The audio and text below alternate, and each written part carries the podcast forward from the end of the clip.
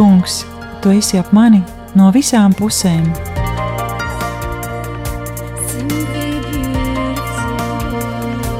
Neredzamā dieva attēls, raidījums par atgriešanos, piedošanu, dziedināšanu un kalpošanu.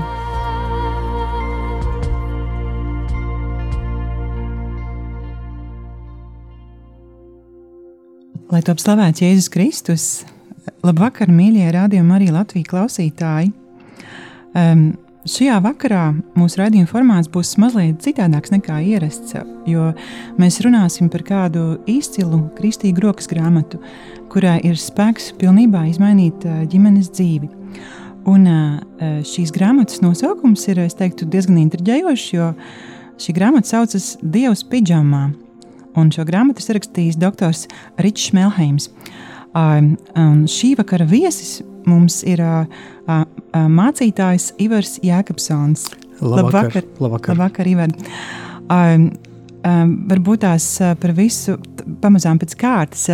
Es vēlējos varbūt tās mūsu klausītājiem arī ļaut vairāk saprast par tevi, kā par personu, kā jau parasti mūsu rādījumos tas ir ierasts, lai viņi vairāk varbūt arī var mazliet tevi iepazīt to, kā, varbūt, kā tu esi nācis pie Kristus un, un kāds ir bijis tavs ceļš līdz, līdz mācītājiem un tā.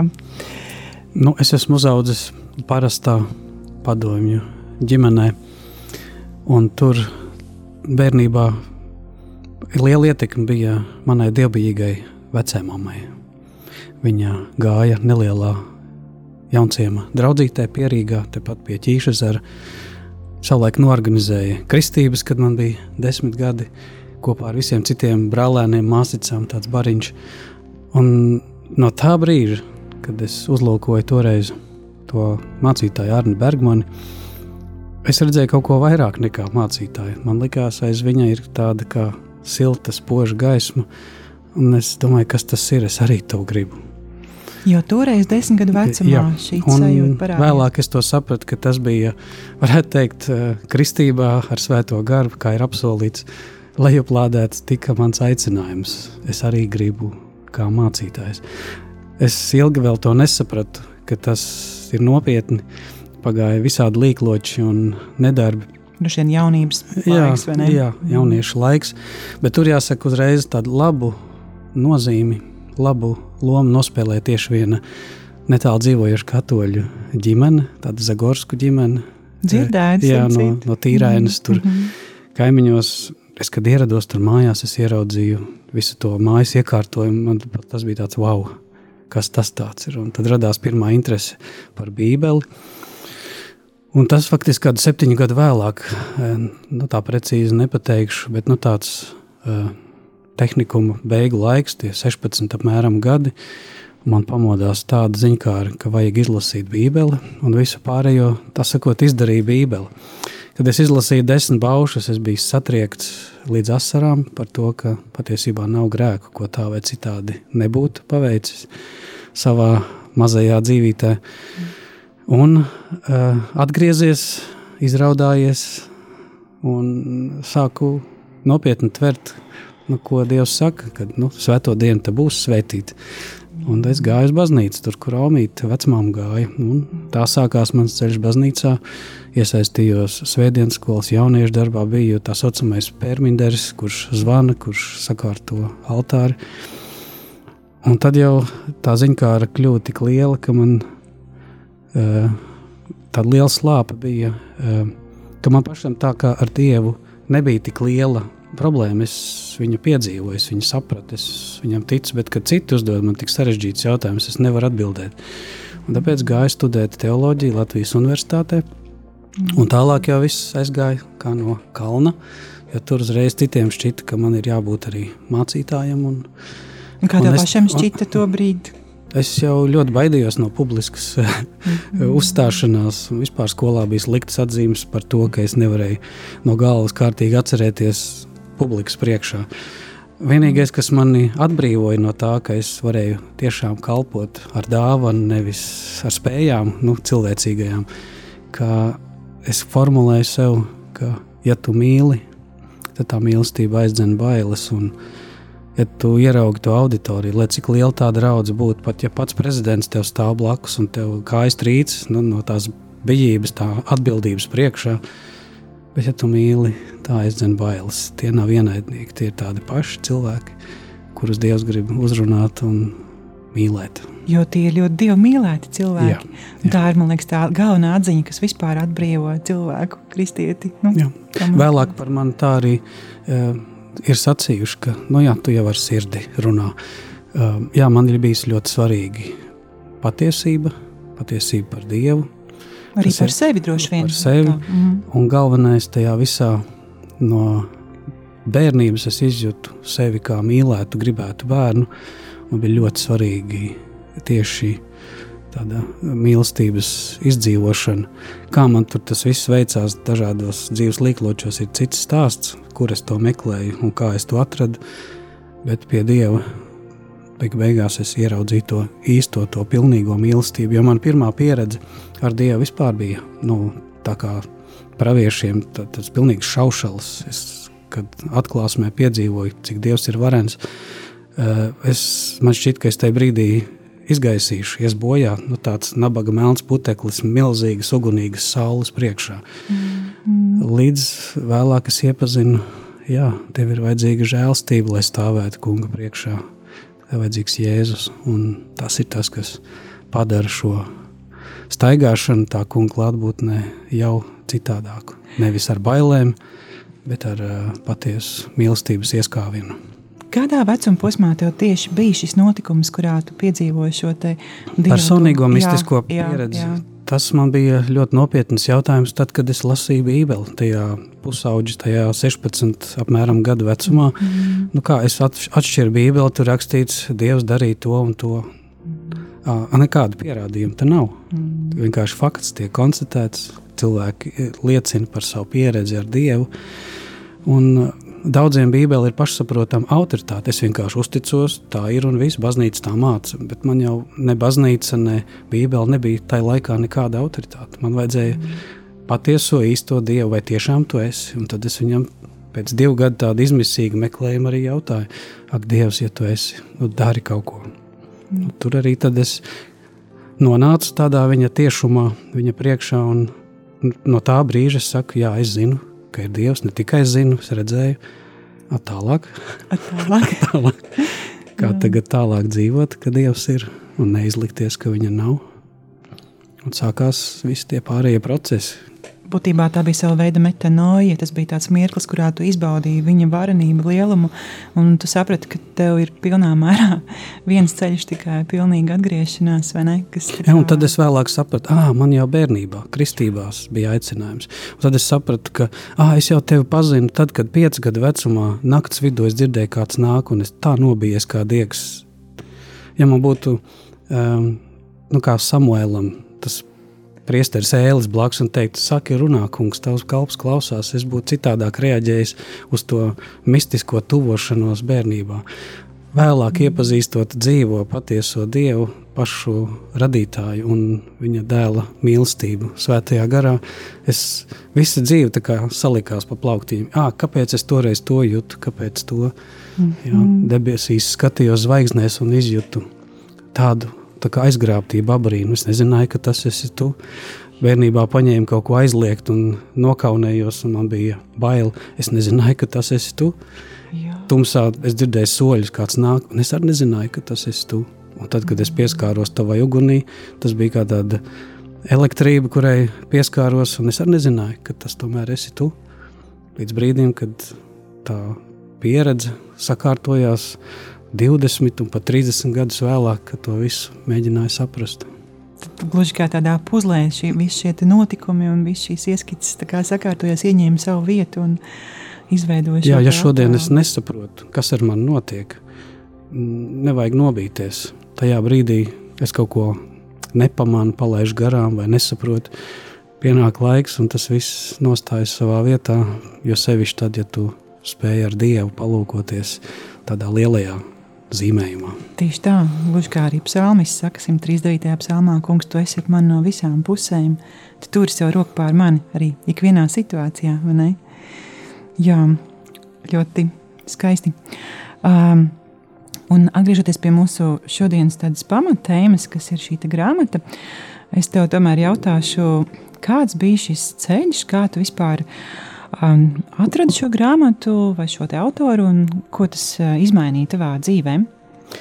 Mana papildus izglītība ir uh, pedagoģija.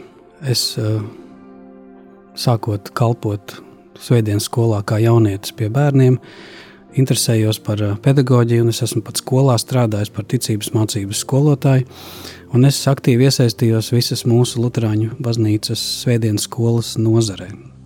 Kā sagatavot skolotājus un kā mm, adaptēt kādas programmas, kas derētu bērniem. Bet viens caurums, kas mums bija pilnīgi neaizpildīts, ir ģimenes, vecāki. Jo nu, Bībele jau saka, ka vecākiem jau tie bērni ticībā ir jāmāca. Jā. To nevar izdarīt vecāku vietā ne priesteris, ne skolotājs, ne policija, ne, ne vēl kas. Ja? Vecāki ir ļoti būtiski vecāki. Un vēl vairāk pēc statistikas mēs secinājām, ka uz svētdienas skolu labi jāatved tikai katru piekto bērnu no tām ģimenēm, kas ir draudzēji būtībā teiksim, tie, kas ir kristīti, varbūt bērnībā vai kā, tad tomēr tikai kaut kāds katrs piektais no viņiem nonāk beigās tajā iesvētē un saņem visu. Nu, jā, Aha. viņi netiek aizsniegti ar to baznīcas mm. mācību. Ja vien vecāki viņus nestiepj, ne, neved mīlestībā, nemāca.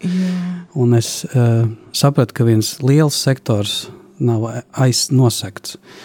Un domājot par to, mm, viens labs draugs, tāds eh, Roberts Kastro, kurš reiz gadā brauc no Amerikas, tāds Latvijas draugs, tagad kļūs arī mācītājs. Viņš teica, zini, tev vajag viņu, tev vajag to riču dabūt. Un 17. gadā, tieši no reformācijas jubilejas gadā, ierodas doktors Ričs ar konferencēm divām un stāsta par šiem ticības pieciem soļiem, kā satuvināt ģimeni, kā praktizēt eh, komunikāciju, dievbijību mājās, nevis vienkārši vecāku noturēt svētbrīdus, bet tādu aktīvu, iedarbīgu komunikāciju, kas palīdz satuvināt ģimeni savā starpā un ar Dievu. Un jau toreiz es redzēju, ka viņam ir rokā tā viņa paša rakstītā grāmata, un kad bija konferencē pie viņiem Amerikā, es secināju, ka šī grāmata ir jātulko latviešu kā tāda noderīga rokas grāmata, kas var palīdzēt ģimenēm Tad toreiz konferencē jau piedalījās dažādu konfesiju, baptisti, luterāņi, pat, pat katoļi tam sekoja līdzi. Bija pat vesels raidījums, eh, raidījumā Es ticu. Un tad man nāca kādas atgādniskās saites, kāds kaut ko rakstīja, zvanīja. Un pat no kādas eh, katoļu kopienas tāda valīja toreiz sacīja, ziniet, mēs mūsu praksē to lietojam jau gadiem šos soļus. Bet doktors Ričs mums iedeva tādu struktūru, un skaidrojumu, un labumus un ieguvumu, kāpēc to varētu tā lietot. Un es sapratu, ka tā nav tikai tāda, piedodiet, luterāņu, kāda šaura reformācijas vai katehisma lieta, bet tā ir vispār kristīga vērtība. Protams, jo patiesībā ārkārtīgi fundamentāli, un kā jau tu minēji par šo vālijas kundzi, jā, pieņemsim pateicību Dievam, ja cilvēks to var mājās praktizēt, un vienlaikus, ja tas nav akurāt kā instruments, pieņemsim kā šī grāmata, kur šeit viss ir ārkārtīgi smalki aprakstīts un ļoti strukturēti. Un, jā, tur ir daudz liecības, jā. tur ir daudz aspektu ieraudzīt, ko tas dod psiholoģiski, ko tas jā. dod socioloģiski, neiroloģiski.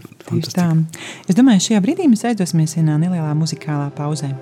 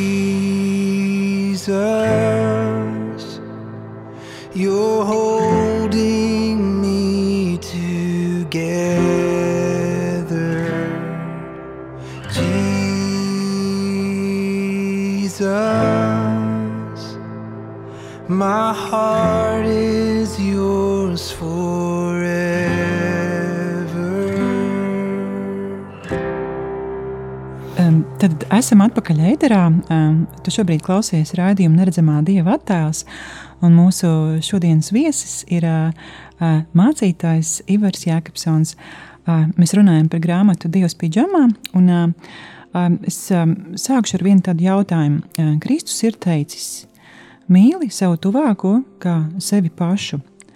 Um, cilvēkiem īstenībā, īpaši jau kristiešiem, nereti ir tāda kā tieksme iet uh, un uh, mēģināt glābt pasauli, reizēm arī pat atstājot novārtā savu ģimeni. Uh, mm, Tavuprāt, kāpēc cilvēkiem tik ļoti gribas iet uh, glābt pasauli, bet savējos, nu, savējos tā kā, nu, gandrīz tā kā bišķi atstāt novārtā? Vai tas varētu būt tāpēc, ka mēs neesam paši sakārtojuši savas dzīves un, un mūsos tā kā tāda misijas apziņa mostās? Kā tu domā? No praviešiem savā mājās mēdz būt grūti. Un tevi redz vairāk kā cilvēku nekā tādu dieva instrumentu. Bet ģimene var arī sākt viens uz otru rūkot, lūkoties, kā kad Dievs runā caur tavu māmu un tēti, caur savu brāli un māsu. lai kāda viņi cilvēcīgi nepilnīgi būtu. Piemēram, šis raidījums, neredzamā dieva attēls, un tagad mēs runājam par vienu attēlu - Dievs pidžamā. Jā. Neredzamais dievs nāk pie tevis kā brālis vai māsa, vai manā gadījumā mana mazā meitiņa, divgadīgā Emīlija, pidžamā.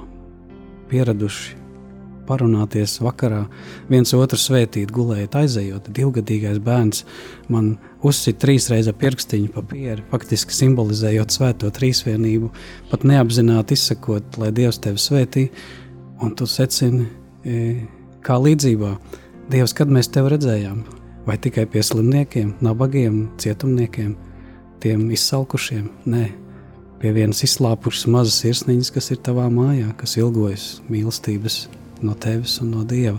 Un viņš nāk pie tevis vakarā, kā bērns, pidžamā. Dievs nāk, Jēzus nāk tajā mazajā pidžamā, viņš pieskaras viņā caur viņu. Un tā, tā pasaules glābēja situācija, par ko tu jautāji, es esmu piedzīvojis to, ka es esmu pats savā dzīvē jau sākumā, kad sajūtu savu garīgā amata aicinājumu, es jūtu, ka kā vispār to varēs apvienot. Es ļoti labi saprotu to celibātu ideju, ka šeit ir misija, kas prasa būt iekšā Dieva misijā 24-7. Ja? Un ar ģimeni to ir ļoti grūti. Man dažreiz šķiet, ka pat neiespējami apvienot. Tā ir liela žēlstība, ka viens var būt vienlaikus ģimenē, vienlaikus garīgā amatā Un tas precētām ģimenēm ir diezgan liels izaicinājums. Un es domāju, tas ir jebkurai ģimenei izaicinājums apvienot darbu un mājas. Vienalga, vai tas būtu policists, skolotājs, politiķis, ārsts vai mācītājs. Vai mācītājs jā. mm. Un jāsaka tā, ka gan medicīnas darbinieku vidū, gan garīdznieku vidū, precētu garīdznieku vidū ir liela procentu laulības krīžu, tāpēc, ka šis balanss nav atrasts. Mm -hmm. Un lūk, šī grāmata savā ziņā priekš manis arī ir kā tāda atbilde, ka tu, lai cik tu būtu aizņemts, līdzīgi kā māte Terēze teica, vismaz stundiņu vajag ar Dievu, tad viss būs labi. Tāpat vismaz pusstundu vai stundiņu vakarā ar ģimeni, svētīgos komunikācijas soļos, ne tikai paēst, paldies un ar labu nakti, nevis es esmu noguris, netraucē man, bet kā tev iet, ko Dievs pie tevis darīja ko Dievs šodien saka. Palūksim viens par otru, samīļosim, svētīsim. Es domāju, ka tas atvērs tik daudzas prombūtnes, nepilnību, noguruma stundas, kā viens no uh, praktizētājiem sacīja, tajā vakarā tu atgūsti enerģiju, tajā vakarā tu atgūsti spēku, tajā mīlestības mākonī, ja, tajā mīlestības komunikācijā, kurā tu jūti savu tuvāko un Dieva tuvumā, jā, mīlestību uz Dievu un tuvāko. Jā, tas ir gluži kā apmēram, ja mēs esam pie, pieraduši pie tā, ka mēs vakaros praktiski visi dodamies tajā nu, elementārajā tā savas higiēnas, varbūt tās istabā, un mēs aizējam dušā un mm -hmm. veicam tādu rituālu, kas Vakariņas. varbūt palīdz mums jā, sajusties labāk. Un tad šis ir tas garīgais veids, kuru mēs tieši tāpat absolūti katru dienu, katru vakaru, ne, mēs arī veicam absolūti mērķiecīgi un zinām, ka caur to mēs iemantosim šīs svētības. Jā, izveidojot to par rituālu, at, atrodot tam laiku, ka šovakar būs atkal. Pat ja šovakar nav garstāvoklis vai šovakar ir liels garstāvoklis, vienalga mm -hmm. palikt pie tiem maziem soļiem tā vai citādi mm. lai koptu to laiku, kas mums viens otram vajadzīgs. Jā, un arī īstenībā klausoties arī paša Ričarda Melheima um, interviju, ko viņš sniedz, manuprāt, Latvijas rādio, ko es nesen noklausījos. Uh, tur bija ārkārtīgi dziļa uh, vēsts, jo patiesībā Kā vispār viņam tapa šis darbs? Senāk, viņš pats savulaik bija audzis, tā teikt, nu, jāsaka, ļoti labā ģimenē. Jā, un šie vecāki izcili ģimeni tiešām viņi bija. Māma skolotāja, tēvs no dzelzceļnieka kļuvis par mācītāju. Un viņi vienmēr atrada laiku, lai cik, lai kā vakarā stāstam, vakarā kādam kopīgam mirklim. Pat ja bērni jau bija aizmiguši, tētis kāpa augšā, lai svētītu savus bērnus. Jā. Jā, un māmiņa lasīja, šo, lasīja viņiem priekšā, un, un viņš teica, ka viņš bija iemantojis tik lielu mīlestību caur to, un to apziņu, ka viņš tiek mīlēts, jā, gan no vecākiem, gan no Dieva, ka viņa sirdī dzima šī vēlme. Viņš ārkārtīgi vēlējās jau maz būdams, kā dienās kļūt par tēvu. Viņš cerēja, ka viņš tad izaugs, viņam būs sava ģimene un bērni, un viņš varēs šo skaisto mantojumu nodot arī viņiem. Un jāsaka, es, es redzēju, ka šeit ir bijuši šie divi cilvēki, viņa vecāki, kas ir bijuši uzticīgi kunga kalpojumam jau to brīdi, jā, tam šim aicinājumam. Jā, viņi ir palikuši uzticīgi katru vakaru. Un viņi ir iesaistījuši šo labo sēklu arī savu tiksim, dēla dzīvē, jā, savu jā. bērnu dzīvē. Un tagad mēs redzam, kā šī sēkla, kā viņa vairojas, kā viņa nu, būtībā pat ne simtkāršojas, bet uh, varbūt simt tūkstoši kāršojas uh, daudzu cilvēku dzīvēs. 30 gadu garumā Amerika, jau Amerikā viņu baznīcās, sabiedrībā, dažādās konfesijās, pat visā pasaulē, kur viņš ir lasījis konferencēs, viņš ir dalījies un meklējis, kas ir tas labākais. Un tad tas saliekot kopā, ir šie pieci soļi, kas ir detalizēti aprakstīti mm -hmm. šajā grāmatā. Jā. Kur tu dalies priekos un bēdās, palasi svēto tekstu, bībeli, sekulārā ģimenē viņš saka, lasiet kaut vai vinīju pūku, ja, bet tik un tā tas būs patiesas stāsts, kas var tevi iedvesmot. Bet kristiešu vidē tā vienmēr būs Bībele vai Bībeles stāsts. Un trešais ir pārunāt, ko šis stāsts tev iedvesmo attiecībā uz taviem iepriekš minētiem priekiem un bēdām. Un tad ir kopīga lūkšana un noslēdzas ar savstarpēju svētīšanu. Un galvenais ir tas, ka te nevis tēvs vai mamma spēlē galveno lomu, kurš eh, nolasa pāterus un visi pārējie ir nolemti klusē, klusēšanai, bet ka visi ir vērtīgi un katrs var izteikties. Un pat ja tu dalies savā neveiksmēs, un mammai niedz pateikt, es tev teicu, nedrīkstēji tā darīt, tev nekas par to šeit nebūs. Te tu drīksti runāt par to, te ir drošā telpa, kur vienīgi Dievs ir tavs skolotājs, un mēs visi noliekam Dieva rokās to, kas ir mums uz sirds. Jā, un es atceros, ka tur bija minēts, ka tur ir divi nosacījumi. Pirmais nosacījums bija, tā, kad cilvēks runā, jā, tad viņu nepārtraukt.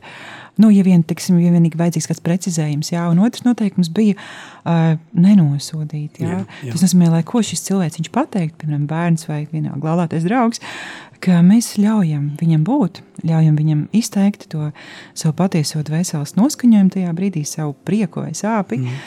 Un mēs tā kā ļaujam, lai viņš ir pats. Vecākiem līdz ar to ir jāmācās to pazemību, ka es neņemu kontroli neveselīgu kontroli pār šo situāciju. Mēs visi vienādi Dievu priekšā un zinām, ka radītājs pats savu bērnu uzrunās. Citur, kur vajadzēs cits pārunas, tas būs cits formāts, bet šeit vakara tajā piecaplī, kurā mēs dalāmies šajās lietās, eh, mēs esam Dievu priekšā. Jā. Mēs šobrīd paklausīsimies kādu dziesmu,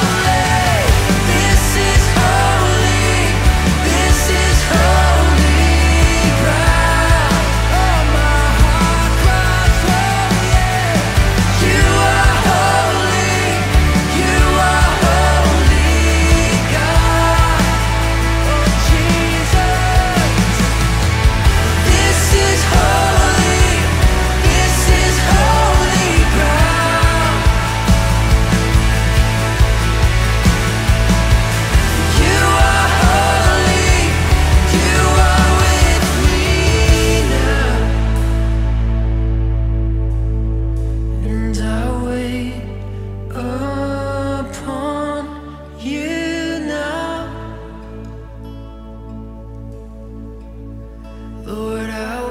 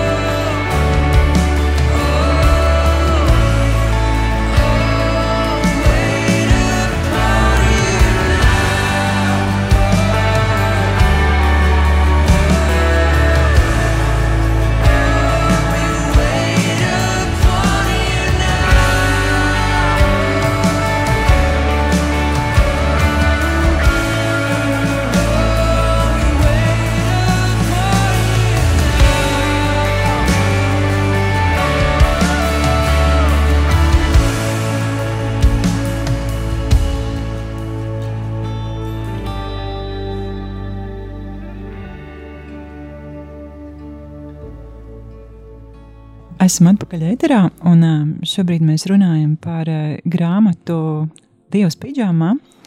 Un ā, nu, patās, kā mēs ā, aizsākām runāt par te, šiem te pieciem soļiem, kas ir veicami jā, tieši šīs te dalīšanās sakarā. Un, es šeit no grāmatas paņēmu tādu kā nelielu citātu, piemēram, ā, piemēram nu kā, šodienas veiksme. Matemātikas pārbaudas darbā dabūju desmit, Šodienas neveiksme. Viens puika man skolā apskaukāja. Šodienas rakstu vieta. Vai es tev nepavēlēju būt stipram un sīkstam, nebīties un nebaidoties, jo kungs tavs dievs ir kopā ar tevi, lai kur tu ietu.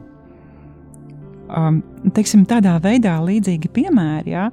Uh, nu, tas ir vienkārši kā tāds varbūt neliels paraugs, kā, kā tas notiek. Jo mūsu dienas vienmēr atšķiras cita no citas, un arī tie piedzīvotie mirkļi var būt ļoti dažādi. Bet, uh, kā tas notiek uh, tavā ģimenē? Kopš tā 17. gada mēs uh, pat vēl bērniņi nebija pasaulē nākuši. Mēs toreiz gaidījām mūsu ģimenē vecāko meitiņu Sofiju. Bet mēs jau savā starpā, pat bez visiem bērniem, praktizējām šos piecus soļus, un tas vienmēr bagātināja mūsu kā vīru un sievas attiecības. Un, uh, atceros, ka bija visizaicinošākais brīdis, kad uh, sen jau vajadzēja sākties dzemdībām, un tās nekādi nesāk. Mēs aizbraucām uz dzemdību vietu, piecas dienas gaidām, un nekā. Un tad tajā vienā vakarā es saprotu, ka man tūlīt beigsies atvaļinājums, jau nāk stress virsū, jādodas prom. Un es, un es, uh, mēs vienojamies kopā šajos piecos soļos, un um, rezultāts bija, ka mēs um, padalījāmies šajās izjūtās, kas mums ir, un nolasījām kopīgi 23. psalmu. Tas kungs ir mans gans, netrūks nenieka. Un pēc tam pārunājām, nu, ko tas var dot mūsu gaidī, gaidāmajā notikumā, kas tūlīt, tūlīt sāksies. Un kādus izaicinājumus tas risina, ko Dievs te var darīt pat vistumšākā ielā, un bailēs vai sāpēs. Ielikām to visu lūkšanā, svētījām viens otru, sajūtāmies tādā īpašā dieva tūmā un aizmigām. Nu jā, un tā naktī viss sākās. Un es saku, šie pieci soļi ir pat labākais veids, kā sagatavoties dzemdībām, kuras tūlīt, tūlīt šonakt sāksies. Vēlāk mēs esam to praktizējuši ar jau uh, meitiņu Sofiju, tad jau ar otro bērnu Emīliju.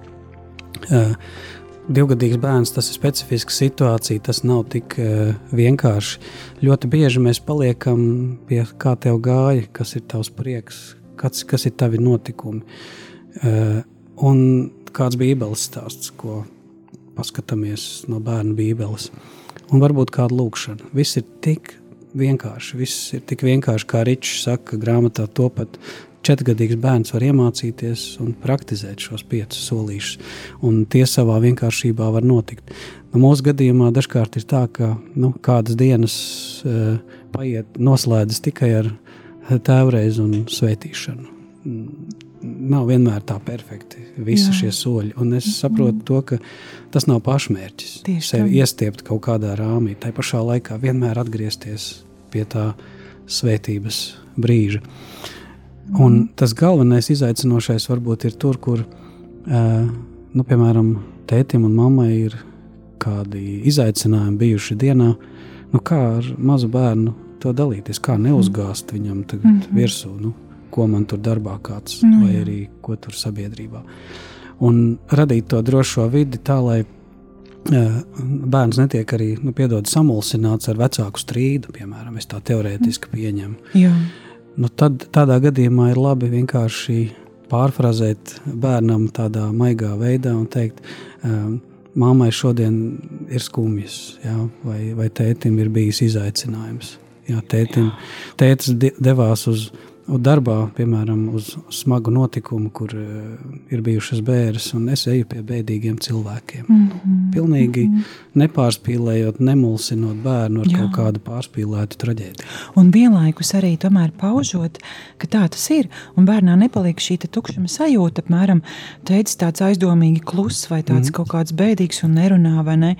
Un viņš bērnam nav jāaiziet gulēt ar šo milzīgo jautājumu zīmi savā sirdī. Viņš vienkārši ir uzzinājis, ka tētim ir bijusi smagāka diena, un viņš arī mazliet ir varējis ieskicēt, kas tas Nu, ir iedomājieties no rīta. Mm Mhm. -hmm. Jāsteidzas kaut kur, jābūt tur deviņos vai desmitos. Mm -hmm. Bērns savā ātrumā tur neģērbjas. Ja? Mm Mhm. -hmm.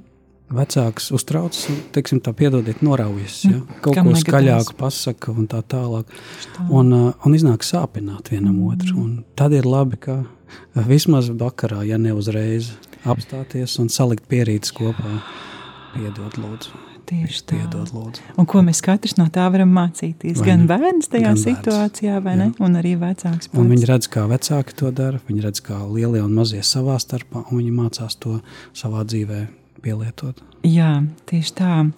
Eh, Es gribēju arī pieskarties tādai tēmai, kā, nu, jāsaka, varbūt tās arī mazliet tā kā grēksūdz, kāpēc to pieminu, jo savā ziņā šīs vakara kā satikšanās un šo eh, iekšējo stāvokļu nosaukšana, jā, nu viņi arī, tas viss ir tā kā tāda atzīšanās, jā, jo arī eh, tomēr svētajos rakstos ir teikts, un kad mēs atzīstamies savos grēkos, tad Dievs ir uzticams un taisns, viņš mums piedod mūsu grēkus un šķīstī no visas netaisnības. Un citu starpā es biju lasījusi reiz kādu pētījumu, diemžēl neatcerēšos šobrīd nedz autoru, ne šī pētījuma nosaukumu, bet tā doma bija tāda, ka mm, ir divas lietas, kuras nu, ļoti ie, ievērojami uzlabo cilvēka emocionālo pašsajūtu. Pirmā ir šī atzīšanās, šo iekšējo stāvokļu nosaukšana vārdā, ja? un otra savukārt ir pateicības praktizēšana ikdienā. Ja? Un, būtībā tiešām šie divi elementi noceļ no cilvēka sirds stresu, vairo emocionālo labsajūtu un patiesībā arī pat, nu, teikt, darbojas preventīvi teiksim, arī chronisko slimību uh, ierobežošanā. Un, jā, un arī Ričs Melheims tieši piemin šo stresa saistību ar chroniskām slimībām un, un to, kā to vispār varētu apiet, ja cilvēks savā dzīvē šos vienkāršos, tik vienkārši izpildāmos soļus uh, varētu integrēt savā dzīvē. Viņš pat raksta nodaļās kādu nosaukumu. Te ir uh, medicīna par velti. Vai ne? Medicīna par velti. Mazina to, to stresa faktoru arī bioķīmiski un veido to laimes faktoru, kas dziedina. Jā. Jā, tieši tā.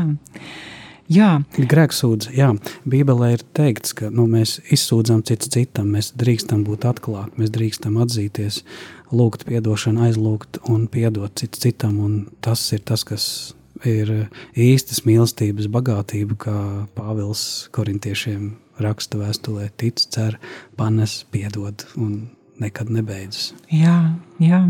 Un, un tomēr tādā pavisam vienā teikumā es gribēju te pajautāt, jo es zinu, ka tu esi tad luterāņu mācītājs, kurš tostarp arī, teiksim, pieņem arī dažkārt privātas grēksūdzes, lai arī cik mums tā, nu vismaz, ja es nekļūdos, mums tā kā vispārīgi tā kā ir zināms, ka Tas ir katoļu likums vismaz reizi gadā, cik es nu, arī zinu. tas tā, jā. jā, jā, Jā. bet, bet luterāņiem it kā lielākoties ir šī kopējā, bet, nu, mm. -hmm. bet mēdz būt arī privātās, Jā. tad, ja tā kā īpaši sarunā, vai ne?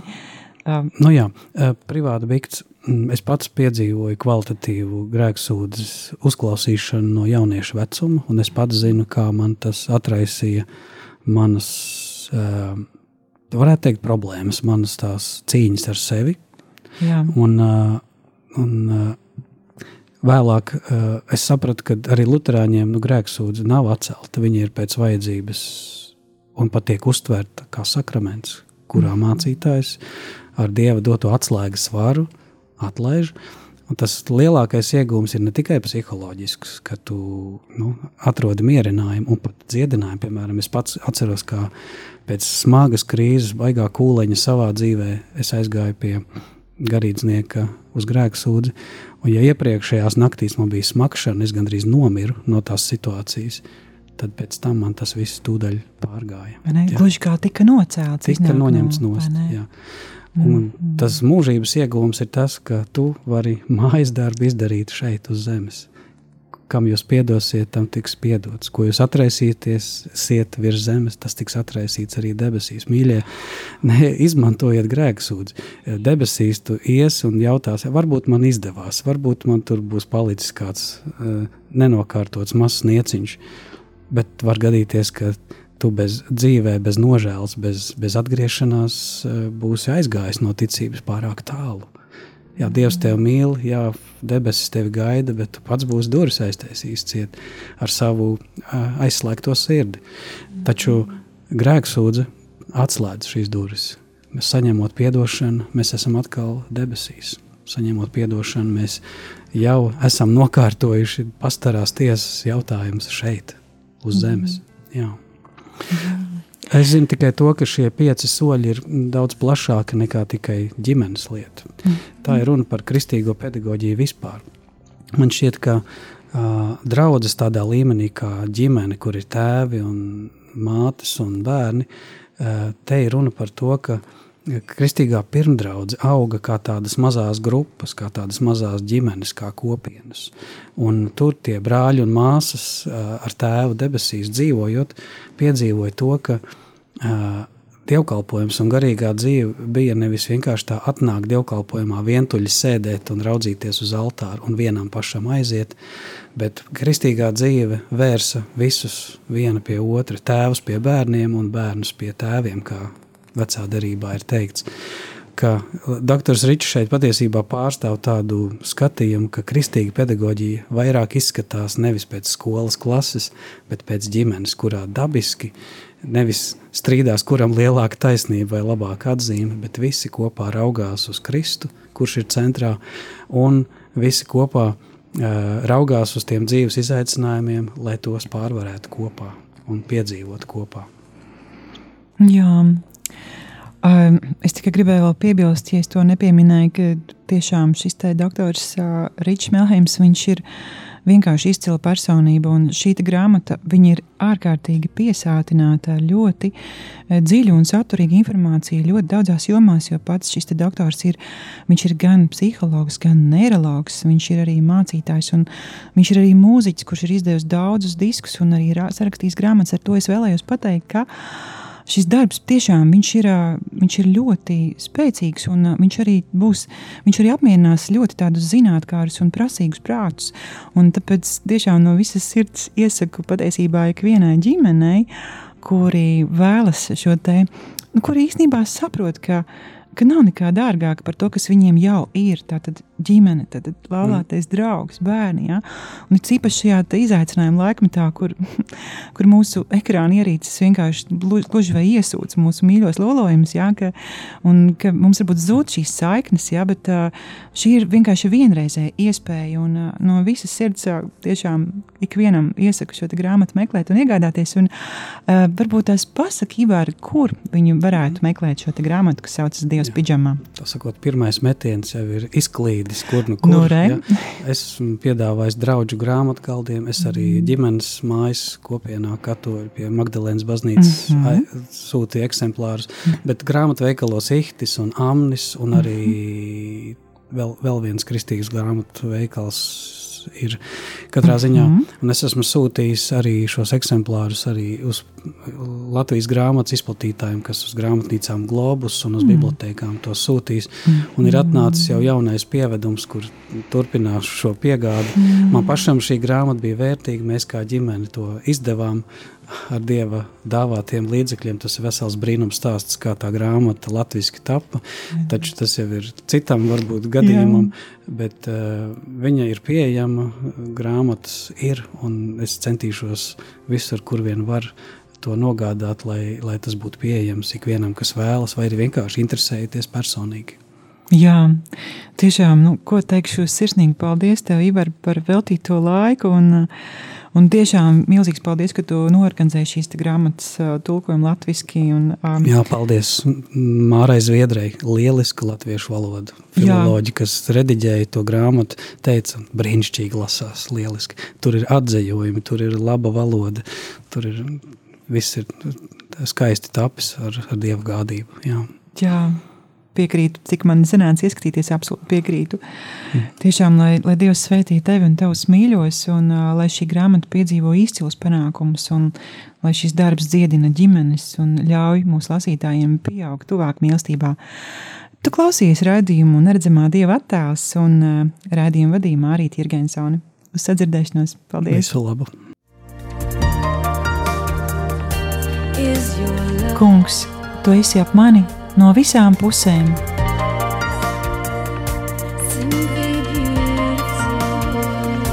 Neredzamā dieva attēls, raidījums par atgriešanos, piedošanu, dziedināšanu un kalpošanu.